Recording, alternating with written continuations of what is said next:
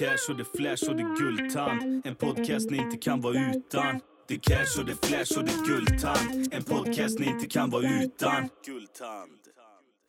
Guldtands podcast, en podcast i samarbete med snack24.se. Välkomna tillbaka till Gultans podcast, hoppas ni har det bra där ute.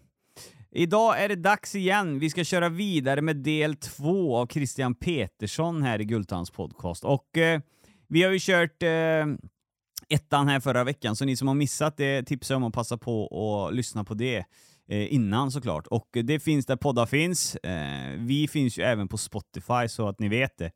Och eh, ja, jag fick tipset av eh, några andra storfalanger, de är större än mig, men de tyckte att eh, det var relevant att börja nämna vad som hände på det här Spotify då.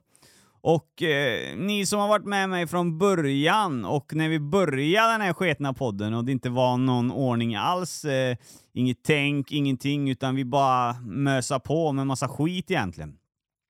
Då låg vi och snittade ungefär på 4-5 tusen lyssningar per avsnitt i början, de första tio avsnitten jag var med och gjorde. Då låg vi på 4 4500 där och man var bara wow, wow, shit, vi är stora. Uh. Alltså det var ju så jävla dåligt så att hälften vore nog. Eh, jag vill bara meddela om att på Spotify så ligger jag på ungefär mellan 3 till 500 000 eh, lyssningar per månad och det är ju bara Spotify då. Sen har jag ju en app där det delas ännu mer Anchor som finns på Apple Podcast och såna här grejer där andra lyssnar då. Så att podden är extremt vällyssnad nu för tiden och eh, jag tror det är därför många vill synas här nu och eh, kunna få ta chansen och marknadsföra sig och såna här grejer som de gör, gästerna. Det var bara en liten update och det är lite det jag har strävat efter det här med att att lyssna och dela och sprida. Så att mitt arbete fungerar. Det är många som tycker att, eh, säkert att det är störande att jag tjatar lite, men vad fan, det har gett resultat. Vi har fina betyg, vi har bra jävla mycket lyssningar på Spotify. Jag är sjukt nöjd. Eh, nog om det, nog om skrytet, som många kallar det. Eh, nu ska vi köra vidare då, som sagt med Christian Petersson, del två här i Gultans podcast. Och han är ju en opinionsbildande journalist. Och han är tuff, eh, han är hård, det är han. Han kör bara rakt eh, på när han eh, eh konfronterar folk för en intervju. Och eh, det som är det jävliga med den här grabben, det är att han är jävligt påläst. Eh, det har varit eh, faktiskt extremt roligt att göra en intervju med en människa som är så pass jävla påläst på allt möjligt med statistik och såna här grejer. Och han gör ett jävla, jävligt grundligt arbete. Eh, så att för mig och min utveckling så har det varit intressant att podda med den här herren. Sen så eh, är det säkert folk som har blivit känna sig stötta och såna här grejer va? men jag tänkte ta och passa på att berätta det nu för er att eh, sen han har varit med så är det många eh, högerradikala säger man väl, jag vet inte vad man säger, men mycket högermänniskor som har hört av sig till mig och eh, vill göra poddar nu också. Eh, men eh, som sagt, jag är eh, öppen för alla sidor. Alla människor som är trevliga mot mig, eh, det är också, eh, då är jag också trevlig tillbaka. Så att ni på vänsterkanten, om ni också vill göra poddavsnitt, ni som är ute och pysslar precis som högerkanten gör, så är ni välkomna att höra av er, så ska vi ta ett avsnitt där ni får tala till punkt också. Självklart. I dagens avsnitt så kommer vi prata lite om trans och såna här grejer och det kommer säkert garanterat röra upp lite känslor. Det låter rätt hårt, men det är inte så hårt egentligen från min sida, utan jag tycker eh, om kärlek mer än krig, så att jag tycker att alla människor ska få välja själva vad de vill vara och hur man eh, inte vill vara. Eh, och väljer man att vara trans så gör man det, absolut välkomna hit. Och eh, homosexuell också välkomna hit, absolut. Det som är diskussionen som retar upp lite, som blir en irriterande grej, det är att jag har den här personliga åsikten att vad man än är för människa så ska man inte särbehandlas. Eh, och det tycker jag gäller då så här pride-tåg och, och transgrejer och sånt där grejer. Det, det, eh, ska de få bidrag för att göra vissa grejer och göra tåg och såna här grejer, pride-tåg och sånt, då ska vi också ha bidrag när vi gör saker och ting. Så att alla ska ha rätt till samma ersättning av kommuner och såna här grejer när man ska hitta på någonting. Eh, för det är inget speciellt att vara trans eller homosexuell i dagens samhälle. Eh, utan eh, alla parter, hetero och såna grejer, de ska behandlas på samma sätt. Eh, och det har väl retat igång mig lite att vissa har fått eh, ersättningar då för att göra massa saker på grund av att man är någonting. Eh, och då känner jag att eh, då ska alla människor få det som söker tillstånd till att göra ja, sådana här tåg eller andra evenemang. Så ta det med ro, eh, det blir ett eh, faktarikt avsnitt. Nog om mig och eh, det här introt. Nu kör vi igång. Välkommen in i studion Christian, nu kör vi del två. Sen så nämnde vi det här med, vi kom in lite på eh, en fråga som faktiskt jag var lite jag har, in, jag har ju intervjuat eh, människor som mm, inom trans och såna här grejer va, men eh, om man tänker runt det så tänker jag en grej som retade upp mig väldigt mycket för ett tag sedan och det var att eh, eh, jag var på föräldrarmöte på förskola eller fritids eller liknande och eh, jag var där med några andra papper, eh, våra pojkar leker ihop och sånt där va. Eh, och då får vi informationen att eh, det kommer vara en form av utbildning på dagis. Eh, man får inte säga dagis längre utan det heter ju fritids. Men nu säger vi dagis och då, för då förstår vi hur ung Jag tror jag vet vad det här är på väg. Ja. Och då sitter vi där och de går igenom att det, det leks mycket och, och så här va och eh, det började lite med att vi säger ju inte indianer och cowboys och såna grejer utan eh, det, det, det, var ursprungsamerikaner och det var det ena och det andra. Alla har inte så mycket vikt i det överhuvudtaget. Men sen kommer det upp en fråga då att det kommer komma en utbildning där om könsbyte, att man kan ha olika kön. Ja. Eh, och eh, eh, där i gänget då som jag tillhör, där är det ju, jag vet inte vad man säger om mig, om jag är ju adopterad, men kalla mig för mellanmjölk eller någonting. Jag är mellan Sverige och Sri Lanka på något sätt. Men sen så hade vi ju eh, 100% som är invandrare och sen 100% som är svenskar då. Eh, men alla reagerar väl lika, vi blir förbannade alltså. För att jag sa till dem direkt att min pojk kommer inte närvara, utan jag vill bli, här, jag vill bli ringd den här dagen är, så kommer jag ta ledigt från jobbet och ta hem han. För att han är alldeles för ung för att veta, för att ta upp om han ska byta kön eller inte. Eh, och efter det här då så blev det ju samma på skolan. Skolan hade ju samma grej, eh, vad jag fattar som. Och det, det som var kontentan av det, det var några veckor efter det, då sprang det runt ungar. Då spelade vi inte fotboll längre, utan då sprang vi runt och diskuterade att ja, men jag behöver inte heta Adam i framtiden, för jag kan skaffa ett annat kön och heta Elin istället. Och för mig så är det jävligt osmakligt i den åldern alltså. Det är totalt katastrofer. Ja. Ja, men det är en fråga som jag har uppmärksammat en del faktiskt. Alltså, så här, det har varit ganska många så här, ja, men till exempel drag queen sagostunder för barn. Mm. Och eh, jag var ju ganska tidigt ute där. Och eh, också gick på en sådan och rapporterade om vad de faktiskt sa. Och det var ju det här typiska då att de, det, det, var, det var en barngrupp på Dramaten Mm. eh, där, eh, där ehm, två drag queens eh, då, egentligen då förklädda män då, eh, som klädde ut sig till kvinnor eh, försökte då normalisera könsbyte och så vidare på, i Dramaten då som är en historisk teater i eh, Stockholm. Och eh, jag var ju där också tillsammans eh, eh vi kom inte i sällskap eller så, men vi var ju där vid samma, under samma rundtur då med Liberalernas partiledare Johan Persson. Mm. Och eh, sen efter, eh, efter den här drag queen-sagostunden så eh, väntade jag tills alla barn hade gått liksom för att jag ville liksom inte få med dem på film eller så. Jag ville ge dem chansen att prata med de här dr- drag queensen. Men sen så gick jag själv fram och frågade varför är det viktigt för er att pracka på den här agendan mot barn? Och eh, självklart då så eh, ville de inte svara på frågorna. Jag frågade ett par frågor till och sen så bad de mig att lämna. Ja. Eh, och det som var så intressant då, det var att eh, Dramatens chef då hoppade emellan mig och de här drag queensen. Och liksom, eh, ah, du får inte ställa några frågor. Ja, men varför det? Varför får jag inte ställa några frågor? Det, det är väl, nej, nej, inga frågor här, typ så. Så att det är en väldigt ljusskygg verksamhet. Och sen då såklart som vanligt, som det alltid sker när jag gör mina videos, då går eh, vänstermedia ut och säger att ah, eh, Christian var där för att hota eh, hbtq-människor. Liksom. Ja, Och det, det, det, det såg jag. liksom. Det, Det såg jag. Det var inga Ja. hot där. Jag har sett Och det, det, de som såg videon, de som såg videon, det var så här, det var inga barn där. Jag väntade tills de gick. Och jag ställde min fråga, men det fick jag inte. Nej. Ehm, men hade deras medier varit där och ställt frågor, då hade inte det ramats in som ett hot då. Nej.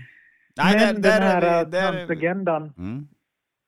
Eh, ja, men den här transagendan då, alltså det är ju, eh, det, det finns ju en organisation som heter RFSL. Det Mm. var säkert de då skulle föreläsa för, för di- ditt barn och så.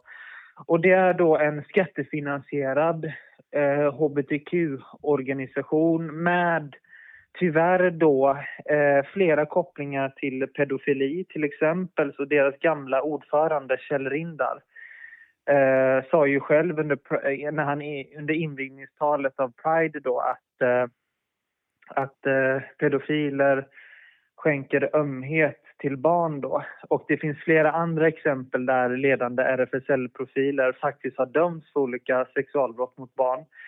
Men även om vi bortser från det Mm. så är det så att RFSL då är en organisation som har en tydlig agenda av att förvirra barn. De, det är det här typiska då att man ska ifrågasätta sitt kön, man ska ifrågasätta eh, allting liksom. Eh, men eh, där tycker jag att det är väldigt viktigt att liksom att, att man säger emot dem och, och faktiskt visar vad de säger. För att de vill ju ha de här så kallade lektionerna i, i enrum med barnen. Ofta faktiskt så är det så att de säger att ah, nu lämnar fröken för att det här kan vara lite pinsamt och så och, och diskutera med fröken. Och då får de här eh, galna hbtq-aktivisterna och ibland till och med hbtqp-aktivisterna eh, liksom ett enrum med de här barnen där de egentligen kan säga vad de vill. Mm. Och jag tycker inte, alltså man kan ju vara, man kan uppleva att man är ett annat kön och så absolut. Men det är inte en slump att det är just nu som det, det växer i Sverige. Att, liksom, att det blir mer och mer vanligt att barn tror att de är ett annat kön och så vidare. Och det är på grund av den här propagandan som vi ser. Liksom. Ja, där håller jag faktiskt med dig och det, det, det, det handlar om pris som allt annat. Det är ju samma som du utbildar någon i, utbildar du någon i någonting så kan ju den personen om det sen och tänker saker kring det. Det är ju samma i det här, om man får höra det sen barnsben så blir det mer funderingar om det. Så anser jag i alla fall. Ja, men så kan det vara med vissa barn att de kanske tänker att eh, nej men, eh, de leker med deras Eh, eh, med, med tjejer liksom och så är det en kille. Och så kanske någon galen eh, feminist med nosring eh, föreslår till pojken då att nej men, du är kanske en tjej. Och då för att få bekräftelse då från lärare eller liknande kanske den här pojken tänker ja men då är jag en tjej. Och där har vi sett flera exempel där sådana här hbtq-aktivister faktiskt ofta när de själva får barn så av en slump så blir de alla trans liksom. Mm. Eh, så jag tror det handlar om vilken miljö man växer upp i och det är, det är vidrigt hur de här försöker liksom förvirra barn. Ja, och sen så om jag pratar utifrån mina egna åsikter nu, för eh, alltså när man är vuxen och såna här grejer och kommer upp i, i den åldern, visst absolut, jag har absolut ingenting emot, man gör vad man vill med sitt liv 100%, men jag tycker inte att små barn ska föreläsas om det och man ska hålla det som en eh, Eh, som att det är supervanligt i samhället. Det, det, det, för mig så är det, absolut, man får göra vad man vill när man blir äldre, absolut. Jag har inte emot någon människa så som inte säger något dumt till mig, men eh, överlag så, så tycker jag inte att man, det, det, jag blev förbannad över det. Sen så kan jag tycka också, något som har provocerat mig lite det senaste, det är Alltså hur man ska uttrycka sig här för att inte klampa in i karriären. För vi kommer redan få skit för det här avsnittet. Men, eh, men eh, eh jag tänker så här va, att de här Pride-tågen som går, eh, som eh, jag har sett några personer som går i Pride-tågen, alltså de visar ju alltså dicken och grejer ibland i de här tågen alltså. Ja. Eh, och där står det små barn och tittar på. Och sen så är en grej till som jag tycker är jävligt orättvis, nu vet jag inte om det stämmer eller inte, men det, det kanske du har koll på, det är det att när de här ställer upp med Pride-tåg och sådana grejer, då får de pengar från kommunen. Alltså de får... Eh, Ja, ja eh, men så är det. ja, men inte fan får du och jag någon jävla varje bidrag. Pride, varje Pride-parad i princip är ju finansierad av respektive kommun då. Mm. Men vad fan, vad, jag menar, alltså det... Eh, Men, nej, men det är en ganska enkel fråga man kan ställa till de här. Det är vilka rättigheter saknar ni? mm, Vilka rättigheter är det som man, som man då som transsexuell eller homosexuell då eller vad, vad man nu än är inte har i dagens Sverige? mm. Och då kommer de aldrig kunna svara på den frågan.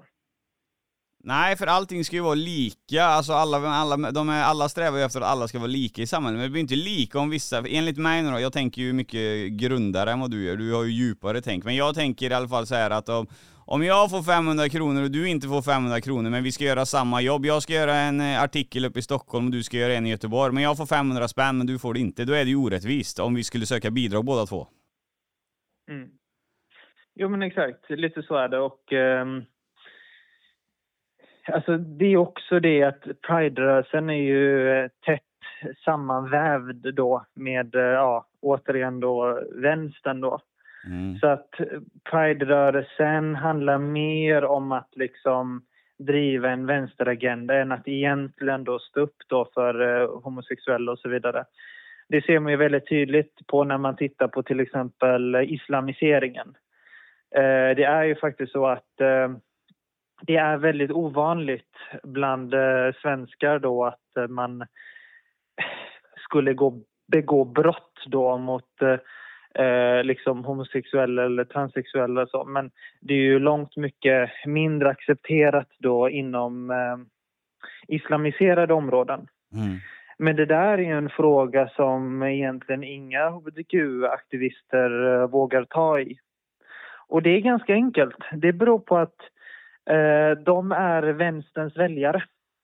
Mm. Båda, båda två. Och liksom vänstern ser inte som ett liksom, ser det liksom inte som ett eh, en bra strategi att alienera en grupp. Det är samma sak som när det gäller till exempel det här med eh, judehat och så vidare. Eh, där är det så att vänstern talar ju alltid eh, om eh, så kallade nazister då Mm. som är väldigt få i Sverige. Egentligen bara ett par hundra stycken. Men eh, den, eh, då, eh, det judehat som finns inom islamiserade områden och inom Palestinarörelsen, den tystar ju vänster ner eftersom att det här, de här är ju liksom vänsterns väljargrupper. Så att, eh, och, och, vad, och vad kan vi dra för slutsats av detta då? Det är att det handlar inte om att förebygga hot och trakasserier och öka tolerans alls. Nej. Det handlar om att eh, hur kan man mobilisera för att, eh, för att stödja ens egna politiska rörelse? Och då har, vi också, då har det också blivit så att den här då hbtq-rörelsen och så, och, och, och så vidare, den tar liksom inte i de frågorna för att den är så tätt sammankopplad. Och det, det, den är sammankopplad genom de olika bidragssystemen som finns. Eh, genom pressstödet, eh, genom eh, eh bidrag från eh, ungdoms och civilsamhällesmyndigheten, eh, eh, Länsstyrelsen, eh, regionen och så vidare. Mm. Och det här är ju bidrag som politiker eh, beslutar om. Eh, jag har väldigt svårt att se att en, liksom, eh, en, eh, liksom ett, en region där liksom vänsterpolitiker styr till exempel och skulle, skulle bevilja stöd till kanske en, eh, till en hbtq-grupp då säger vi som skulle kritisera islam då, till exempel. Mm. Eh, nej, jag... Eh, vi är överens på vissa punkter där. Jag tycker att, eh, utan att nämna några grupper och sånt för min del, för eh, jag, jag tycker bara att det, det, det, det är orättvist i vissa eh, situationer och jag har blivit mer och mer presenterad för det, ja som du säger, under de här senaste åren. Så har jag tyckt att eh, det har blivit lite konstigt på vissa Men där fronter. tycker jag att det är väldigt bra att du faktiskt vågar och säga nej. För många är ju tysta när det gäller sånt här. Ja. Och eh, då blir det att de här flyttar fram sina positioner.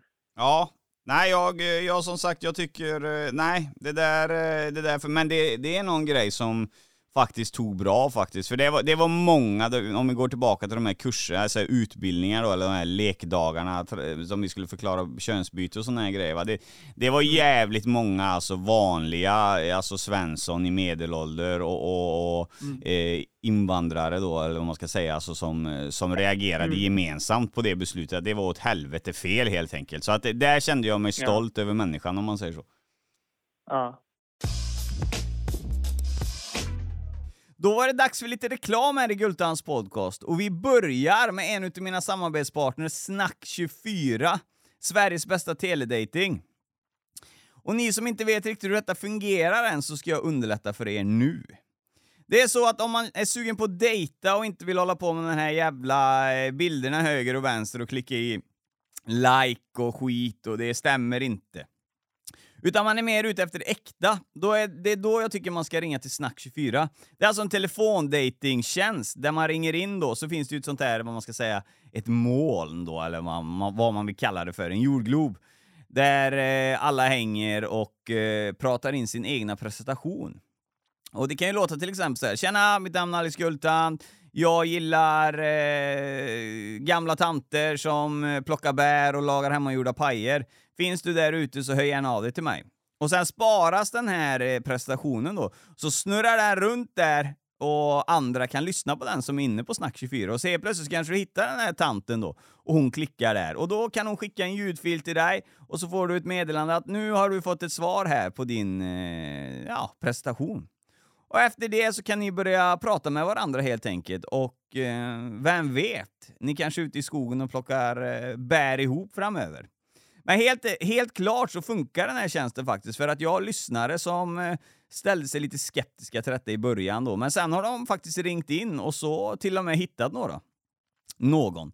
Så att eh, jag har fall på att det här fungerar klockrent. Så sitter du där hemma och är singel så tycker jag definitivt du ska prova det här. Eh, och vill du ha mer information än den jag ger dig så ska du gå in på www.snack24.se och läsa mer om Sveriges bästa teledating. Och nu ska vi snacka lite om Club24 och Private Line. Det är ju två falanger som sysslar med telefonsex. Förstklassig telefonsex, Sveriges bästa såklart. Och hit in kan du ringa då om du har eh, lite snuskiga tankar eller bara gillar att, att snacka av dig lite. Och det här är väldigt populärt Stenis, för folk tror, ja är det någon som grejar med det här längre? Det ringer så in i helvete på de här linjerna vill jag säga. Och eh, det är så att där inne så har jag också även några av mina gäster som arbetar och massa andra tjejer. Och där behöver man inte vara rädd för liksom vad man säger, för jag vet ju hur det låter i vissa sovrum att eh, Ja, blir det missionären ikväll älskling? Nu är halva inne, känns det bra för dig så känns det bra för mig. Eh, det behöver man inte riktigt tänka på när man ringer dit, utan där är det bara att släppa ut sina fantasier och njuta till fullo. Och för mer information hur du kan njuta till fullo över telefon så går du in på club24.se eller privateline.se så kommer du snart veta hur du gör. Tyvärr är det ju faktiskt så att många, många liksom svenskar är lite, lite mer fega när det kommer och mer konflikträdda när det kommer till sådana här frågor. Där är det ju faktiskt så att många invandrare vågar ta för sig mer när det gäller frågor som rör barn och så vidare. Ja, faktiskt. och det tycker jag är bra. Eh, så. Eh, nej, men jag håller med dig ja, lite där. Ja, någon måste göra det liksom. Ja, jag håller med dig där. Det, det, Eh, vi har en jävligt, eh, nu är ju du jag väldigt svenska om man säger så, men vi har en jävligt, eh, du och jag bryter ju mönster lite, vi diskuterar ju saker öppet, men eh, många andra har mycket lättare för att skriva från fejkkonton och sådana här grejer, då går det att komma fram eh, mycket. Ja, det är ju faktiskt så, jag, min mamma är från Rumänien. Mm. Så att det är kanske det att jag inte är helt och hållet svensk som jag vågar vara så frispråkig liksom. Ja, vem fan vet. För jag var ju uppe nu på, jag pratade ju med dig om det, vi, vi, vi skulle tagit en lunch du och jag, men det blir ju så jävla hektiskt. Mm. Men jag var ju uppe i Stockholm och gjorde en podd hos den här sista måltiden. Eh, mm. Och då vet jag att då fick jag den här frågan, eh, ja vad tror du med ditt arbete? Då sa jag så här, jag vet att jag uttryckte mig att, eh, nu tar jag exempel då, men jag med mina, min lyssnarskara, du med din och Kalle, Henrik, Mohammed, eh, Afram med sina grejer. Alltså alla vi småfalanger eh, tror jag i en framtid kommer ta över eh, svensk media. Eh, Ja, exakt. Och det är det som är så eh, fantastiskt att liksom eh, Sista måltiden då, om vi ska ta det som ett exempel. Mm. Nu när eh, media hade ett gigantiskt drev mot eh, Richard Jomshof som är ordförande i justitieutskottet eh, i riksdagen. mm, Ett gigantiskt drev och sen så han svarade inte på eh, liksom DN och så vidare frågor. Eh, DN går ut och säger att eh, SD minskar inte trots stormen, stormen mot Jomshof. Men det var en storm som de själva hade skapat. Och sen, vad gör han då? Sen går han med och gästar Sista måltiden och pratar om allt detta. Och det tror jag är framtiden, att vi, ser, att vi kommer se mer och mer oberoende kanaler som eh, till exempel Sista måltiden, din kanal och även mina kanaler. Att man, Eh, att man ger folk, att de får tala till punkt, att, att allt inte är en agenda och att det är finansierat direkt av lyssnarna och inte skattebetalarna. Nej, det, det, nej ja, jag fattar, jag fattar. Det var det att den, den sista måltiden eh, vad jag tror jag inte vi kan räkna med där i, för vad jag förstod, jag kan ha missförstått dem, men de ifrågasatte om det skulle vara bra att eh, sådana som jag då till exempel med stallet bakom som eh, som jag nämnde precis, alla olika namn som kör sina småkanaler, om det är bra om vi får möjligheten att ta över. Jag, jag tror inte de var riktigt eh, överens om det skulle vara bra eller inte, så jag tror inte de lägger sig i samma fack som oss. Jag tror inte det. Nej, nej, nej. Alltså, nej, alltså jag, jag är väl lite olika. Jag, jag känner, ju Chang Frick lite grann. Men de andra i sista måltiden har jag ingen kontakt med alls. Nej. Och eh, en av dem är inte så positiv till mig. Eh, min poäng var inte att hylla sista måltiden utan snarare säga att det växer fram eh, oberoende aktörer som inte suger på statens tutte. Ja, så, och så som kan man. faktiskt, Ja. har, som, som faktiskt har många fler visningar Nu pratar vi mitt språk. SVT och så vidare. Alltså du vet SVT-program, det är inte, ofta har de bara 100 000 eller 200 000 visningar. Det finns många poddar som har, som har mer eller lika mycket. Och då kan man fråga sig varför behöver SVT flera miljarder Mm. när vissa andra klarar det på egen hand? Och där tror jag till exempel då, ett konkret exempel eh, när det gäller liksom nyhetsrapportering. Mm. Nu, snack, nu har vi pratat lite om intervjuer och så, men jag var ju nere i Lampedusa Mm. i september så kom det ju tusentals migranter då till en liten italiensk ö. Eh, den sydligaste ön då i Italien från eh, Algeriet. Eh, afrikanska migranter och ingen åkte dit. SVT var inte där. Och det var liksom det var bara i sociala medier som det uppmärksammades. Och då bestämde jag mig från en dag till en annan att ah, nej, men jag drar till Lampedusa imorgon. Så åkte jag ner och så filmade jag det. Och så ställde jag de frågorna som ingen frågar.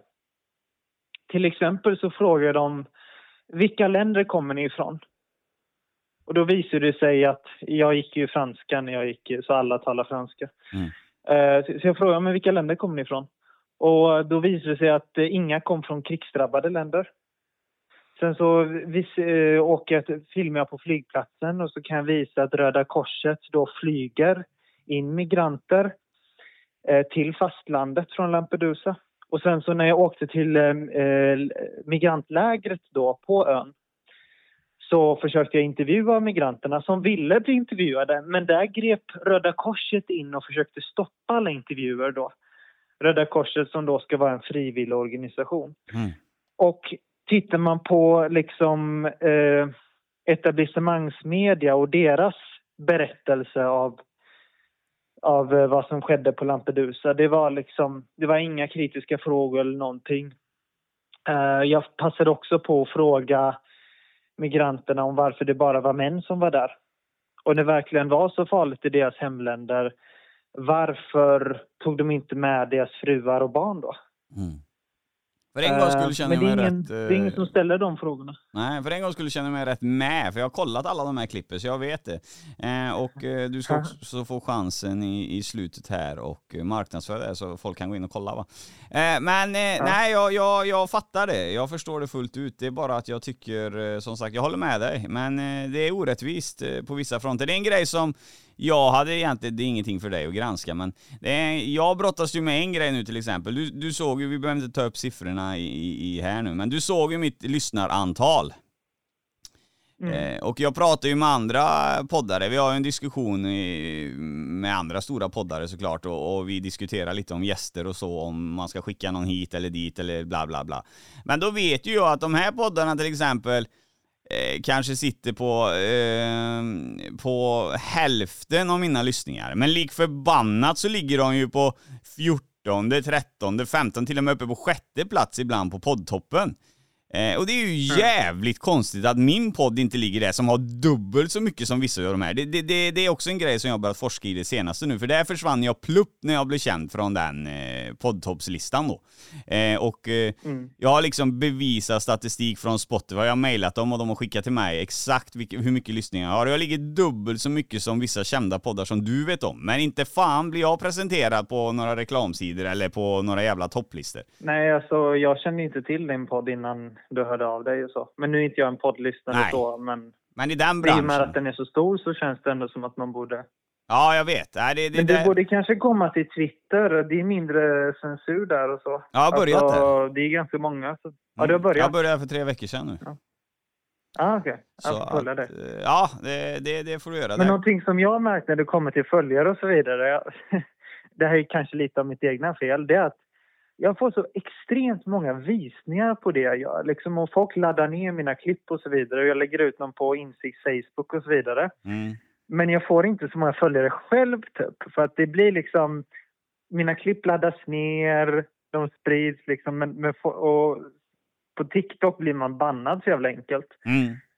Så att liksom det, det kan vara svårt ibland att även om man får jättestor tra- trafik liksom på kanske Facebook eller Twitter att man kanske att man får in följarna till ens egna kanal liksom. Ja, det, det, det där är en djungel alltså. De har steppat upp de reglerna med det senaste, så det kommer inte bli lättare för varken dig eller mig att jobba. Vi jobbar med olika saker, men eh, folk är emot eh, båda två grejerna egentligen. Så att det kommer inte bli en lättare marknad om man säger så. Jag skulle säga att det finns ett etablissemang som är emot att vissa ämnen ska tas upp.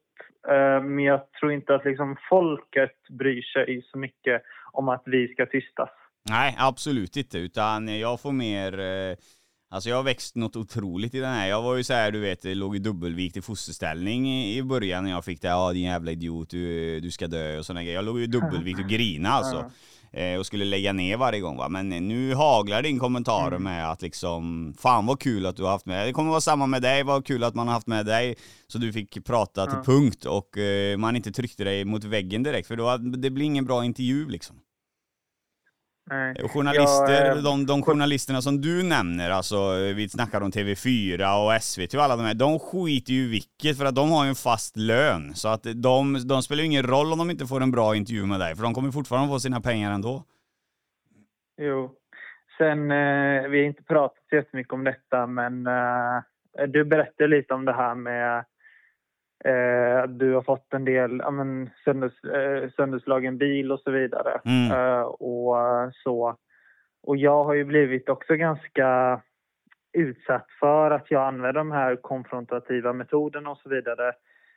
Så har liksom framförallt olika vänsterextrema grupper då som säkert samma grupper som också stör sig på dig och så inte blivit särskilt glada och jag hade ganska mycket när jag bodde i Göteborg att de kastade in en rökbomb i min lilla systers sovrum. De slog sönder min mammas bil och rutorna då och då liksom sprayade och så vidare.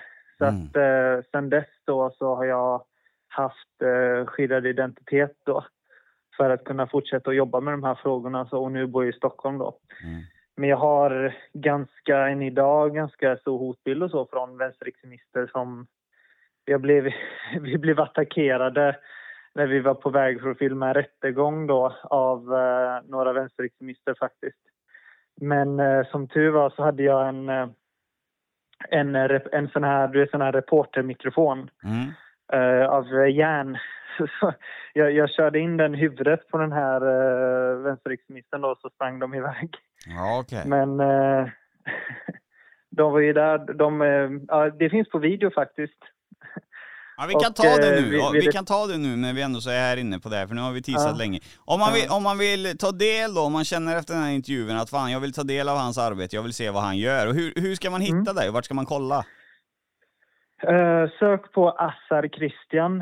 Uh, Assar med två S och Christian med CH. Mm. Uh, Assar Christian, jag finns på eh, Twitter eller X, eh, Instagram, Facebook, Telegram och Youtube. Och eh, många av mina reportage läggs ut på en kanal på Facebook som heter Insikt24. Så om man vill följa mig så kan man följa både Assar Christian och eh, Insikt24 och sen så kan man ju även följa mina egna reportage så också som jag lägger ut på mina sociala medier och eh, på min hemsida. Eh, som är också assarchristian Och där kan man även, ja om man vill ta del av exklusivt material kan man ju bli prenumerant där och så vidare. Eh, så jag, jag lägger upp lite extra material bakom mina reportage där. Eller om man vill mitt arbete så att jag kan åka på fler resor och filma fler saker som vanlig media vill tysta ner. Mm. Men jag söker ju på Christian Petersson på Facebook. Är det, gör jag fel då eller? Ja, det, då kommer det ju också upp. Okej. Eh, men det är mitt användarnamn är alltså Christian. Men Christian, man kan ju också söka på Christian Petersson, då kommer jag också upp. Ja, vad bra. Då har vi rätt ut den saken. Sen så måste jag ta med en grej här nu. Det, det, vi har två grejer kvar här som, är, som jag... Nu har jag missat en grej för det första, men eh, många av mina lyssnare Ja. säger att jag ska släppa folk lösa och det har jag gjort nu. Eh, men jag tänker på det, när du, du är ju bara 21 år gammal. Eh, hur, Ja. Vad föddes du in till för familj? Jag växte upp i Örgryte i Göteborg. Mm. Jag... ehm, ja, alltså... Jag vet inte hur jag ska beskriva det, men jag eh, hade väl en okej uppväxt. Jag gick liksom på dagis som var i närheten av mig och skola. Sen så gick jag på ett kristet gymnasium som heter LM Engström. Mm. Eh, som också var ganska bra. Men sen så började jag engagera mig i alla de här frågorna så att jag, eh, jag startade upp ett kontor då på Överås slott i Göteborg. Mm. Eh, så eh, då hängde vi där ett tag men ehm, sen så ehm, hade jag länge funderat över att flytta till Stockholm liksom och så kom alla de här attackerna och så, så kände jag men det kanske är dags att flytta nu. Så nu har min verksamhet baserad i Stockholm. Men min eh, pappa jobbade ju som professor på Chalmers och eh, min mamma kom från Rumänien för att också jobba inom universitetsvärlden. Mm. Så det är väl lite det. Min pappa hade vä- väldigt stort intresse för flygplan och så, så att han hade ett flygplan på Vårgårda flygplats där som han ofta åkte runt med. Eh, så att... eh, I skolan var då? Var väl- du, var du, när du kom till skolan för första gången, var du framåt och så här? För det känns ju som du har kunnat prata sedan du var typ var fyra år, flytande liksom. Nej, alltså jag kommer inte ihåg så mycket, men jag var absolut inte så här supersocial. För grejen så här, jag är lite olika. Eh, så här, med dig känns det ändå som att man kan prata mycket och vi har mycket att liksom diskutera. Så, men i vissa sammanhang så, eh, så orkar man bara inte. Till exempel så var det lite så för mig i gymnasiet att jag det tog typ mer energi för mig att prata med de andra i gymnasiet än vad det faktiskt gav. Mm. Så att jag orkade typ inte att eh, liksom gå liksom så mycket på eh, liksom lektioner. Så jag hade inte dåliga betyg eller så, det hade jag inte. Eh, men det var liksom att jag kände att det var, jag orkade bara inte. Men du var Eh, inte mobbad eller något? så långt... Nej, men de, de var så långt borta från mig. Typ. Alltså, jag hade ju redan då, typ under... Eh, när jag gick i gymnasiet så startade jag upp mitt egna bolag Mm. och arbetade med det och så. Och det, jag kände liksom att jag fick inte ut så mycket av att umgås. Men nu när man, man... Alltså jag ser inte mig själv som vuxen så, men nu när man är mer vuxen och så, så eh, så kan man ju umgås med vilka man vill och så. Så att man umgås ju en del med folk som liksom kanske inte lever i vad man skulle kalla för matrix. Och med det menar jag att jag umgås ju framförallt med människor som inte har eh, liksom vanliga jobb liksom. Mm. Utan mer kanske jobbar inom media eller jobbar, eh, liksom har eget bolag och så. så att just nu är det ganska kul för nu, nu kan man göra vad man vill. Just nu är jag i Grekland och eh, jag lånar en kompis lägenhet här och sitter och jobbar lite. Eh, Men jag, liksom, jag kan träffa folk klockan ett och äta lunch liksom, medan vanliga människor har liksom ett jobb då och måste vara på vissa tider och så. Så att jag, just nu tycker jag ändå att det är ganska kul så. Eh, Du har väl det på, på ett liknande sätt antar jag? Nej, precis likadant. Du är ju dock barn dock. Ja, det har jag ju, men de är ju i skolan på dagarna. Men eh, jag utför ju Ja. mitt arbete, men jag tar ju en lunch när jag vill och jag jobbar ju de timmarna jag vill. Så att, eh, Exakt. eh, nej, jag, jag fattar det alltså. Så att eh, eh, på något sätt så har vi lyckats båda två på olika fronter om man säger så. Ja. Eh, Ja. Sen så är det lite spännande, jag passar på att fråga det. Det är första personen jag tror jag intervjuar som ändå så öppnar ett eget företag när man går på gymnasiet. Eh, Och vad jag vill minnas så var vi dumma, dumma i huvudet allihopa på den tiden när jag gick i gymnasiet. Så det var ingen som var kapabel till att öppna Mm. företag då. Eh, Så då undrar jag, Mm. vad fan öppnade du företag med då? Eh, det var ju för att eh, arbeta med media och så. Ja, Okej. För att jag eh, behövde... Det var ju antingen det eller ta emot lön. Och sen så var det också lite... man kan göra ganska mycket med ett bolag och så. Det var också så jag hade mitt första, mitt första kontor och så vidare. Så att Mm. man... Eh, eh, finns en del möjligheter liksom så, på så vis. Ja, Eh, och jag ångrar inte det. Liksom. nej. Det förstår jag.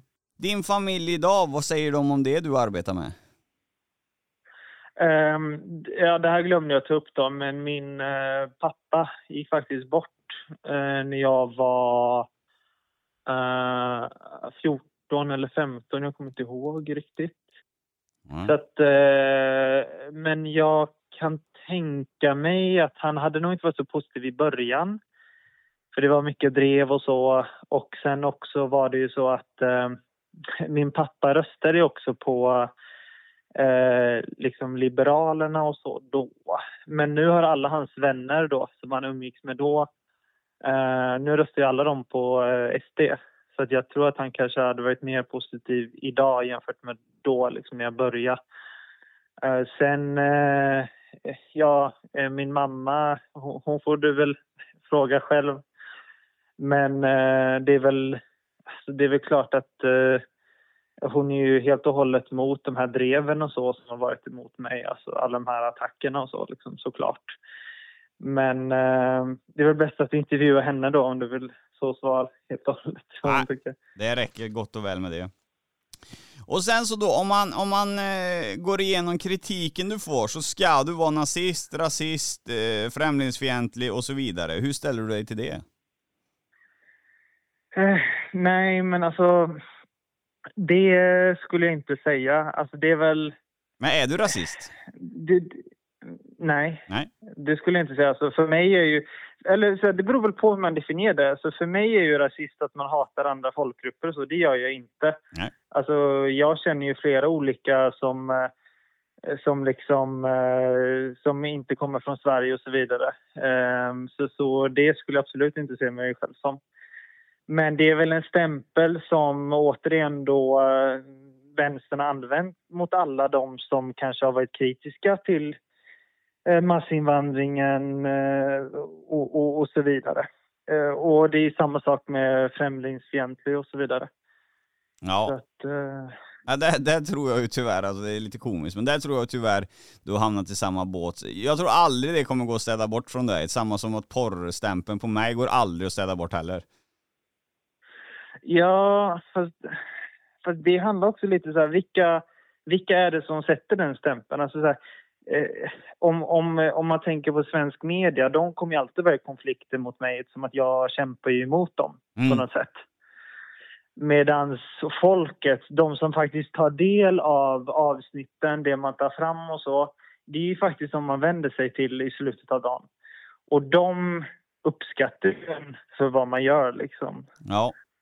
Så att, eh, men jag förstår vad du menar. Ja, ja det... Men du har, eh, du, för dig är porrstämpeln, det är väl sant? Eller vadå? Det är sant att du... Delvis är det sant. Alltså det är ju om man, eh, om man, eh, jag vet inte hur den statistiken ser ut, men jag tror det är om jag har, eh, jag har 50% kanske utav det är nog, det stämmer. 50% stämmer, men inte 100 stämmer ju inte. Men, men ja, skitsamma. Det, det, det, det, det är vad det är. Och sen då, Mm. den sista avrundande frågan jag vill ha. Media, och jag vill ha ditt svar på det, inte media som man läser om. Eh, mm, jag tycker att svensk media har målat upp dig på ett sätt som att du var ansvarig för eh, koranbränningen utanför den turkiska ambassaden i Stockholm. Ja. Det, det gjorde de först för en månad sedan. För ett halvår sedan, då var det Chang Friks fel. Okej. Vilket var ganska... Alltså så här, om det, det som är så sjukt är att så här, alltså jag träffade ju ett par andra journalister efter att den här eh, Eh, efter att den här Uppdrag granskning-filmen hade släppts då. Eh, då. De sa bara, men vadå, det här är jättekonstigt. Varför ville de, ville de skapa ett nytt avslöjande mot dig då? För att liksom, det är ju klart att det var på ett annat sätt liksom för ett halvår sedan. Alltså för ett halvår sedan så kom det ju ut då att Chang Frick då hade varit med och betalat för ansökningstillståndet då för Paludans koranbränning. Mm. Eh, det hade också uppmärksammats vid det här tillfället att jag eh, var den som hade ringt upp honom för att eh, Chang ville ha Paludans nummer eller något sånt där var det. Mm. Och då eh, gick media ut och hängde ut Chang och mig. Men sen ett halvår senare så var det bara jag som, det var, som hade gjort allt detta. Så då hade man tröttnat på att nämna honom och då skulle man nämna mig en massa. Mm. Eh, så det var, det var troligtvis någon slags beställning efter, efter att vi hade eh, gjort någonting som de störde sig på. Mm. Eh, det var väl där och då var det ju väldigt viktigt för svensk media att sammankoppla SD med koranbränningarna.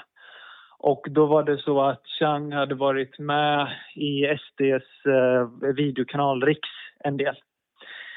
Men så fort som det inte gick så bra så skulle man gå ut, för då hade jag provocerat svensk media ganska mycket i och med det här med Hübinette. Och då helt plötsligt så skulle man peka ut mig då. Och det här ledde faktiskt till att jag åkte ner till Bryssel efter det här terrordådet då. Mm.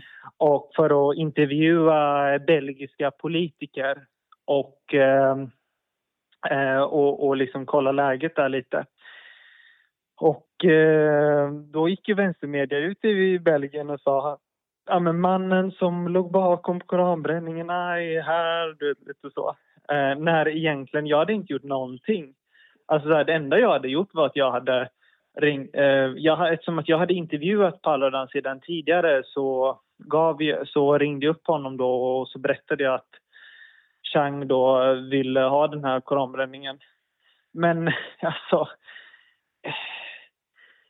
jag är liksom självklart inte emot att det görs på det sättet att jag eh, tycker på något sätt att det är bra att man synliggör att det finns många som inte accepterar att det finns folk som är kritiskt inställda till islam och Koranen och så vidare. Så på det sättet tycker jag väl att det är bra. Men jag själv inte varit inblandad i det på det sättet som de försökte lyfta fram det i somras. Nej. Eller slutet av i somras. Nej, då, då har jag fått svaret på den frågan. För att det är precis som du säger, det ser ju helt annorlunda ut när man kollar på media. Men Paludan själv, han, han säger ju inte heller det att han har blivit dittvingad eller något. För jag såg att han lagt ut något Nej. klipp, eh, det var någon media som filmade. Han säger det att eh, Christian Petersson har ringt han, säger han ju. Eh, men det, Ja. det var ju inget tvång. Det är, många, det är många som ringer honom. Men och sen så är det också så att jag har bestämt mig nu för att sluta ställa upp intervjuer i SVT. Mm. För att varje gång de ska intervjua mig så hör de av De ringer upp mig och så frågar de eh, vad som har hänt. Mm. Och sen så, eh, till exempel nu med Hübinette-grejen, då var det, de ringde mig sju på morgonen och frågade om jag kunde ställa upp på en videointervju. Jag bara, ja visst. Efter att beslutet om jag stängs av kommer eller inte. Sa jag. Ja. Eh, sen kommer beslutet att jag inte stängs av. Då ringer jag upp dem igen. Bara, ah, jag kan ställa upp på videointervju nu. Nej, vi är inte intresserade längre. Då är de inte intresserade. Det var bara om jag skulle kastas ut som de är intresserade. Ja. Sen ringer de upp mig om en annan grej. Då, eh, då, då ställer de bara frågor typ. Och jag bara okej, ska ni göra en video eller spelar ni in detta? Nej, nej, vi ställer bara frågor. Och så intervjuar de bara någon den motparten istället. Så de har ringt upp mig nu totalt, totalt fyra gånger och intervjuat mig men aldrig publicerat det. Nej. Och en, den enda gången de har publicerat det, det var till den här Uppdrag granskning-grejen där de vinklade till att jag hade beställt detta. När, det, när jag flera månader tidigare hade gått ut i ett eh, space på X då, eller Twitter och förklarat exakt vad som hände. Men såklart så förbisåg de det liksom. Ja. Men då kan vi alltså, då har vi kommit till en eh, poäng här i Gultans podcast. Då kan vi alltså säga det att eh, media har, svensk media har överdrivit det här lite. Du är inte ansvarig utan det har bara funnits en kommunikation, vanligt helt enkelt. Eh, ja, exakt. Jag förmedlade kontakt bara Ja. eh, till honom. Mm.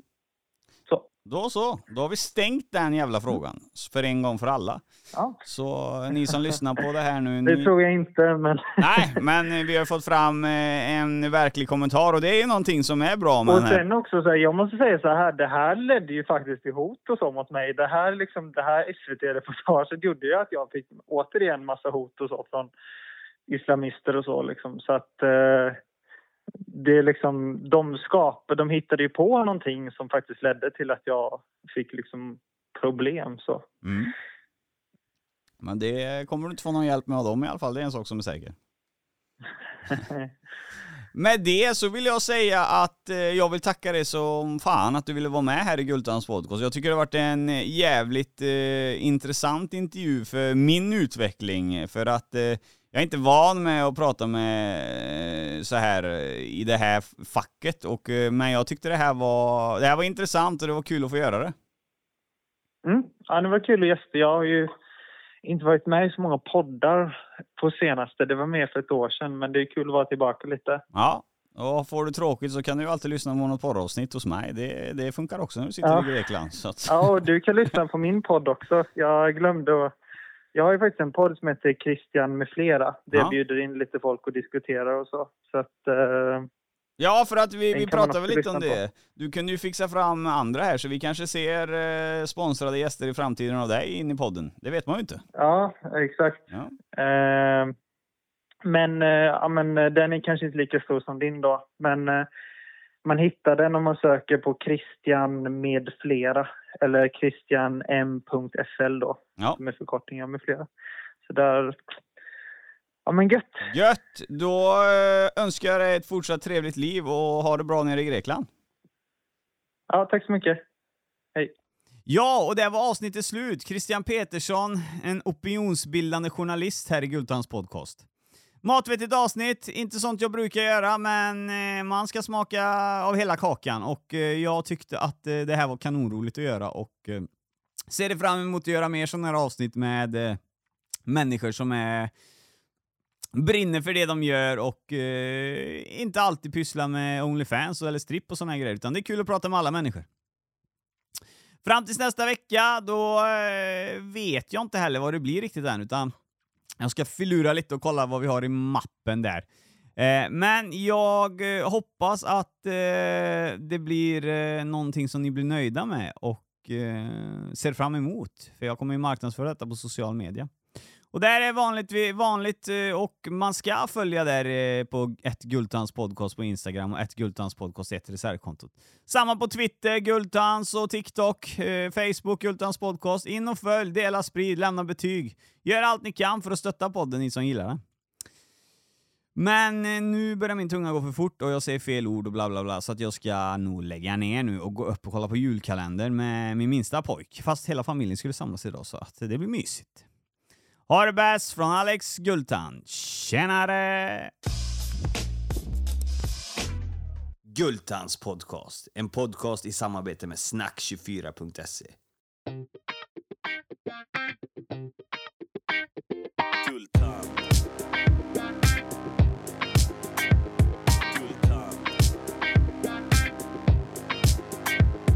Det cash och the flash och the guldtand En podcast ni inte kan vara utan det cash och det flash och det guldtand. En podcast ni inte kan vara utan. Guldtand.